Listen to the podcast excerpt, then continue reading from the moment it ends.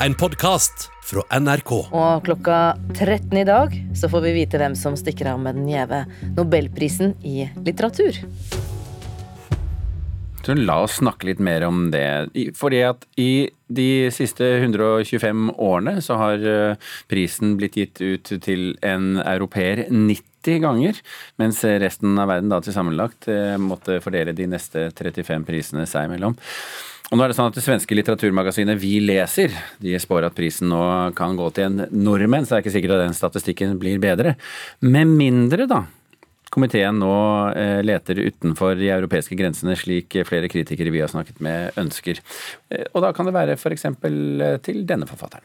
Ngugi Wationgo fra Kenya. Jeg tror jo kanskje Ngugi Wationgo er en stor favoritt. Litteraturkritikerne Frode Helmik Pedersen fra Morgenbladet og Anne Katrine Straume fra NRK har begge trua på den kenyanske forfatteren, som gjennom en lang karriere har skrevet om det å være kolonialisert, om sin egen oppvekst og om afrikanske myter. Så han har en veldig, veldig rik og også politisk litteratur, som har betydd mye for uh, mange.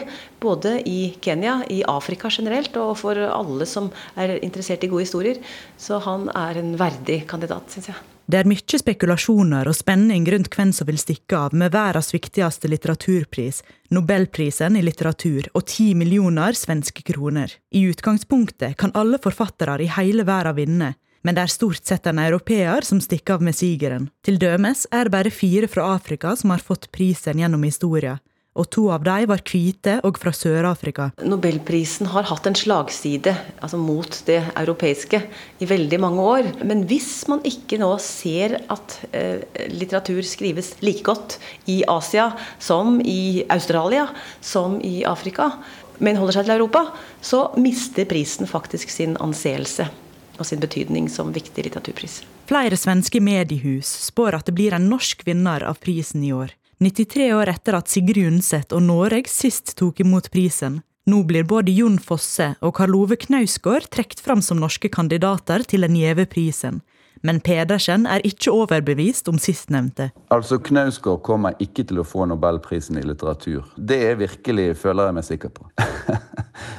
Hvorfor får ikke Knausgård Eh, Nobelprisen. Litt, jeg tror det er litt pga. at forfatterskapet er såpass eh, lite kresent skrevet. Det er, det er, et eller annet med Nobelprisen som favoriserer disse her eh, ordsmedene, de som bruker lang tid på hver enkelt setning, og, og som, som, er veldig sånn kresne i språket sitt. Da. Mens Knausgård er er jo en forfatter som skriver fort. da store, tjukke bøker. Straume har trua på Jon Fosse. Jeg tror jo og håper at han vil få prisen. Eh, fordi han er en særegen forfatter som både har skrevet dramatikk, poesi, eh, romaner. Og han har et helt spesielt språk som gjør at han er i en særstilling innenfor litteraturen. Så om han ikke får den i år, så kan han jo få den et annet år. Reporter her, det var Emily Louisa Millan Eide. Ja, vi slipper ikke helt tak ennå, for eh, Marta Norheim, litteraturkritiker her i NRK, har kommet til oss. Marta, hvem tror du blir årets nobelprisvinner i litteratur? Ja, du, det er jo eh, veldig spennende dette her. Eh, og eh, altså, jeg har jo hatt Gugi Watyongo på lista mi i mange år over folk som det er nesten skandaløst at ikke har fått den for lengst. Nå ser jeg at han står øverst. I dag tidlig så står han øverst på bettinglistene, og jeg hører flere av kollegaene mine nevner han. Så nå går det hans vei i en så stor grad at jeg nesten eh, blir usikker. ja, men Flere har jo sagt at nå må det jo bli en som ikke kommer fra Europa, men Ja da, det må jo det. Ja, må det? Altså, ja, det, det må det. Eh, de har ei europeisk slagside som stadig flere blir opptatt av å føle beklemmende. Eh, og, og altså, Vi kan snakke om eh, hyggelig å få prisen til Norge, og Jon Fosse er jo den fremste i løypa der. Samtidig så er han jo en europeer, og, og han er norsk, og vi har fått tre priser, mens Afrika har fått fire. Så, så det er liksom et eller annet med proporsjoner her. og, og, og Eh, så Derfor så, så hadde Afrika vært veldig velkomment nå. Mm. Nå har det jo vært eh, noen skandaler eh, rundt akademiet som deler ut prisen. Har, har prisen fortsatt lavere status etter metoo-skandalen, som da ble avslørt i 2017? Ja, altså Det var jo en formidabel skandale. Ikke minst var det en skandale hvordan de selv håndterte dette metoo, eh, eh, denne meldinga som kom inn til en ektemann egentlig av en i, eh, i de Aderton, altså disse som, som, deler ut prisen. da. Så det ble jo en offentlig skittentøyvask der de snakka fryktelig stygt om hverandre. Etter det så ble halvparten bytta ut, altså noen ble nok mer og mindre kibba ut, mens andre gikk frivillig. For kongen, eh, den høye beskytter, han eh, bestemte at det var lov å melde seg ut av Svenske Akademien, altså disse 18. Tidligere så er det sånn du kan slutte å møte opp, men da sto plassen tom til du døde, for du var der egentlig på livstid. Men, eh, men nå kan du gå hvis du vil, og, og dermed så fikk du en stor utskifting. Så dette nye Unnskyld, dette nye teamet skal få vise hva de er gode for. og Det gjør det jo ekstra spennende å følge med i år, om det blir eh, et retningsskifte. da.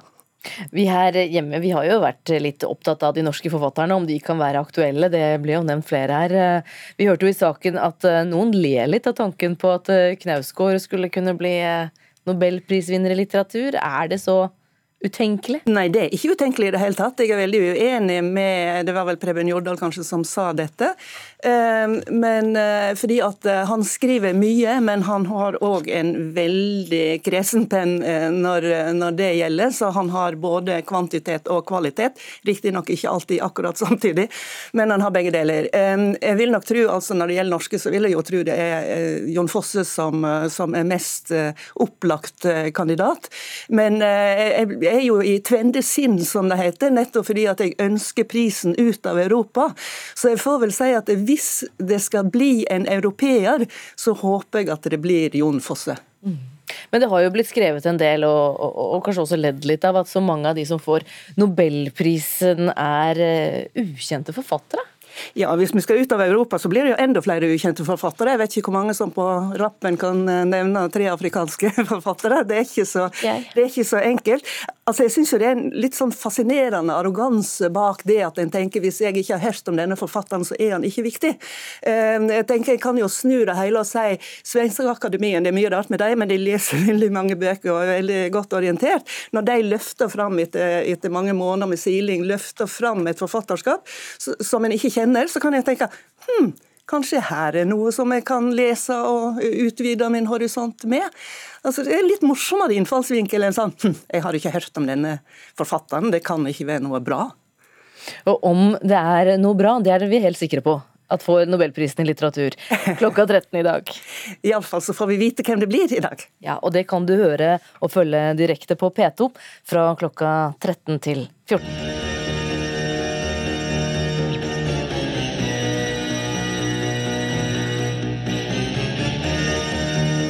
til Elisabeth eh, Grøndal. Eh, dette skal eh, handle om mix-up music, hvis jeg kan få bruke et godt norsk begrep. Ja, vi skal komme til det. Altså, egentlig så handler det først om uh, musikal. Fordi uh, dette orgelet som vi hørte, det er jo fra Opera Fantomet. Og grunnen til at vi spiller den nå, er at Broadway uh, er i ferd med å åpne musikalene sine nå. Og det ble jo stengt da korona kom. Og da hadde jo gått veldig mange kjente musikaler der, som hadde gått non stop siden 80-tallet. Du har Cats og Evita blant annet. Uh, og disse musikalene er jo skrevet uh, bl.a. av Andrew Lloyd Webber, som er en legende innenfor musikal. Og i dag så har uh, Variety og andre et kjempeintervju med han fordi at det nå åpner igjen. For han syntes det var en forferdelig sak at det stengte så lenge pga. korona. Mm. Og I intervjuet så forteller han hvor opprørt han har vært under koronatiden over at på fotballstadion så har det stått fans sant, som synger høyt og sånn massevis lenge før kultur fikk åpne. Altså Et lite kor fikk ikke engang holde en øvelse, mens, mens sporten liksom ble lagt veldig foran. Og det reagerte han veldig på. Så han truet med å åpne teatret i London eh, mot reglene, og bare vente på at politiet skulle komme og stenge det ned igjen. Man kunne jo kanskje sett på denne filmen eh, 'Cats', som ble laget. Eh, det var en kinofilm, men det var ikke sikkert det var verdt å få med seg, for det fikk jo elendig kritikk. Ja, den, var, den fikk kjempedårlig kritikk. Den var helt sikkert laget litt for å gjenopplive denne musikken for yngre generasjoner, men dette lyktes de jo all, altså ikke med i det hele tatt. Men så skjedde noe annet gøy under korona som vi må ta med, nemlig at uh, det var en uh, TikTok-bruker som selv kom på å blande Andrew Lloyd Webbers musikk med da veldig heftig rap med ganske solid tekst. Skjøta disse sammen, la det ut på TikTok. Og da kan man jo undres liksom, hva syns egentlig Andrew Lloyd Webber om det? Ja, Hva syns Andrew Lloyd Webber om det? Nei, men Man kunne jo se for seg at han ble sinna, men uh, han syns uh, trolig det var kjempegøy. Fordi han la ut sin egen versjon, og der ser du Andrew Lloyd Webber, 73, står og, og har dance moves ikke sant, i TikTok-stil, og spiller orgel på denne låta. I don't clean, but let me tell you, I got this ring. Gobble me, swallow me, drip down inside of me, quit jump out for you, let it get inside of me and tell them where to put it, never tell them where I'm about be, I run down on the Wet ass pussy. Rett og slett. Så en helt spesiell miks som kanskje kan ha trukket unge mennesker til Andrew Lloyd Webber, hvem vet. Men i hvert fall så er det en veldig glad Andrew Lloyd Webber nå, som eh, skal åpne musikalene sine igjen eh, på Broadway. Jeg er alltid glad for glade folk her i Nyhetsmorgen. Elisabeth Grøndal, takk skal du ha. Alltid nære deg. Det er tittelen på en av ukas eh, premierefilmer på kino. Den er inspirert av en sann historie om en alvorlig syk alenefar som leter etter adoptivforeldre til eh, sønnen sin. NRKs filmkritiker Birger Vestmo sier at dette er en nydelig påkjenning for de lettrørte.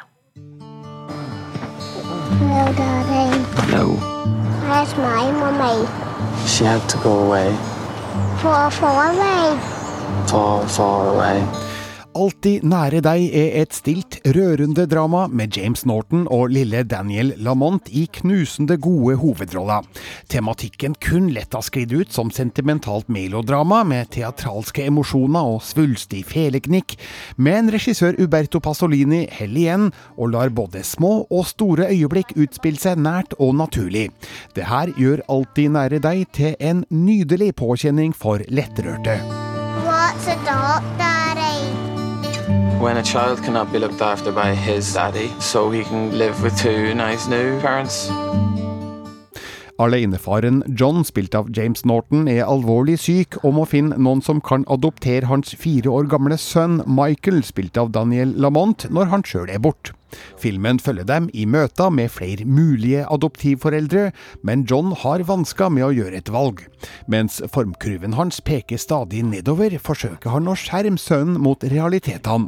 Det presser seg likevel frem et behov for å fortelle Michael hva som egentlig er i ferd med å skje. One day, Michael, would you like to live somewhere else? In a different town, different home? I like home. James Norton spiller sterkt som John, en varm person tydelig merka av et hardt liv, men som aldri viser tegn til sjølmedlidenhet. Han viser imidlertid en uslokkelig kjærlighet til sønnen, som spilles med en naturlig utstråling av Daniel Lamont, som bare var fire år under innspillinga. Det er kanskje begrensa hva slags skuespill man kan forvente av en så liten kar, men han har en tilstedeværelse og uttrykksfullhet som gjør at man aner at Michael forstår mye mer av det som skjer rundt han, enn det faren kanskje er klar over. I lived a happy life. Um, then it got old and it died.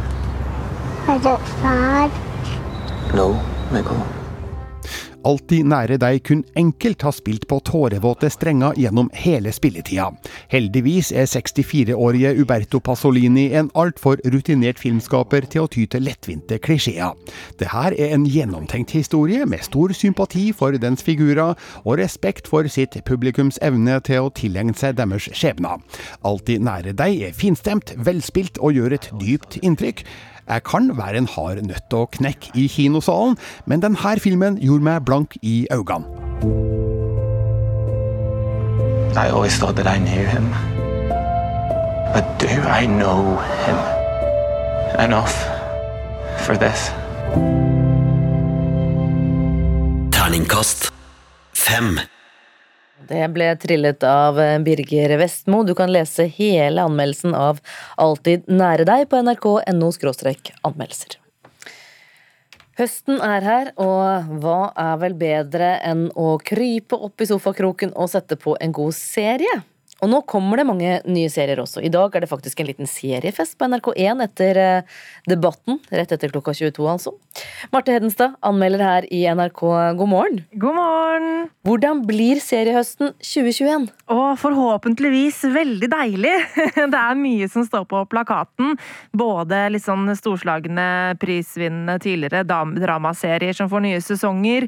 Eh, det er fantasy-serier og komedier. Det er veldig mye. Det som er litt gøy, er at eh, det ser ut til at uh, internasjonalt og fra Hollywood så har på en måte korona lagt seg når det kommer til utsettelsesfronten. Sånn at det er mye som tikker inn. Uh, og så er det flere godbiter å glede seg til også her i Norge. Så um, jeg gleder meg til å befinne meg foran TV-en i høst. Hvilke nye serier gleder du deg aller mest til? Åh, jeg, jeg, er jo en liten sånn, eh, hva skal jeg si, sucker for fantasy, på godt norsk. Jeg elsker eventyrserier. Og 19.11. så kommer det en ny storslagen fantasyserie på Amazon Prime Video.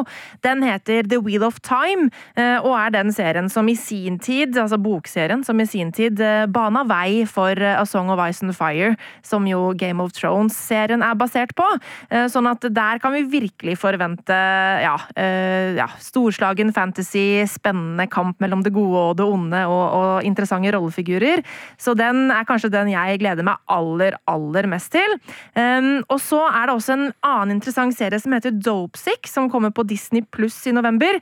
Den handler om legemiddelindustriens innførsel av Oxycontin i USA, og hvordan eh, det førte til en pandemi av avhengighet. Og der er det andre Michael Keaton i sentrale roller, og han spiller en lege som litt sånn godvitende skriver ut Oxycontin til sine pasienter, og det får jo da eh, sterke og alvorlige konsekvenser. Um, og så er det den, rett over helga nå, til neste uke, så er det en, eh, en serie som dukker opp på, på Disney pluss. Den heter Reservation Dogs. Og det her er en serie jeg gleder meg skikkelig til, fordi det her er en komedie om eh, fire tenåringer som eh, drømmer om å skaffe nok penger til å flytte til solfylte California. Eh, og de er da vokst opp på et reservat for urfolk i Oklahoma. og Det er derfor serien heter Reservation Dogs. Um, og Hollywood de er jo historisk veldig dårlig eh, med å portrettere USAs eh, urbefolkning. Eh, det har vært veldig mye skadelige stereotypier osv. på den fronten. Men i Reservation Dog så er det skuespillere og serieskapere, da fra Nord-Amerikas urbefolkning, som endelig får lov til å fortelle historier på sine premisser.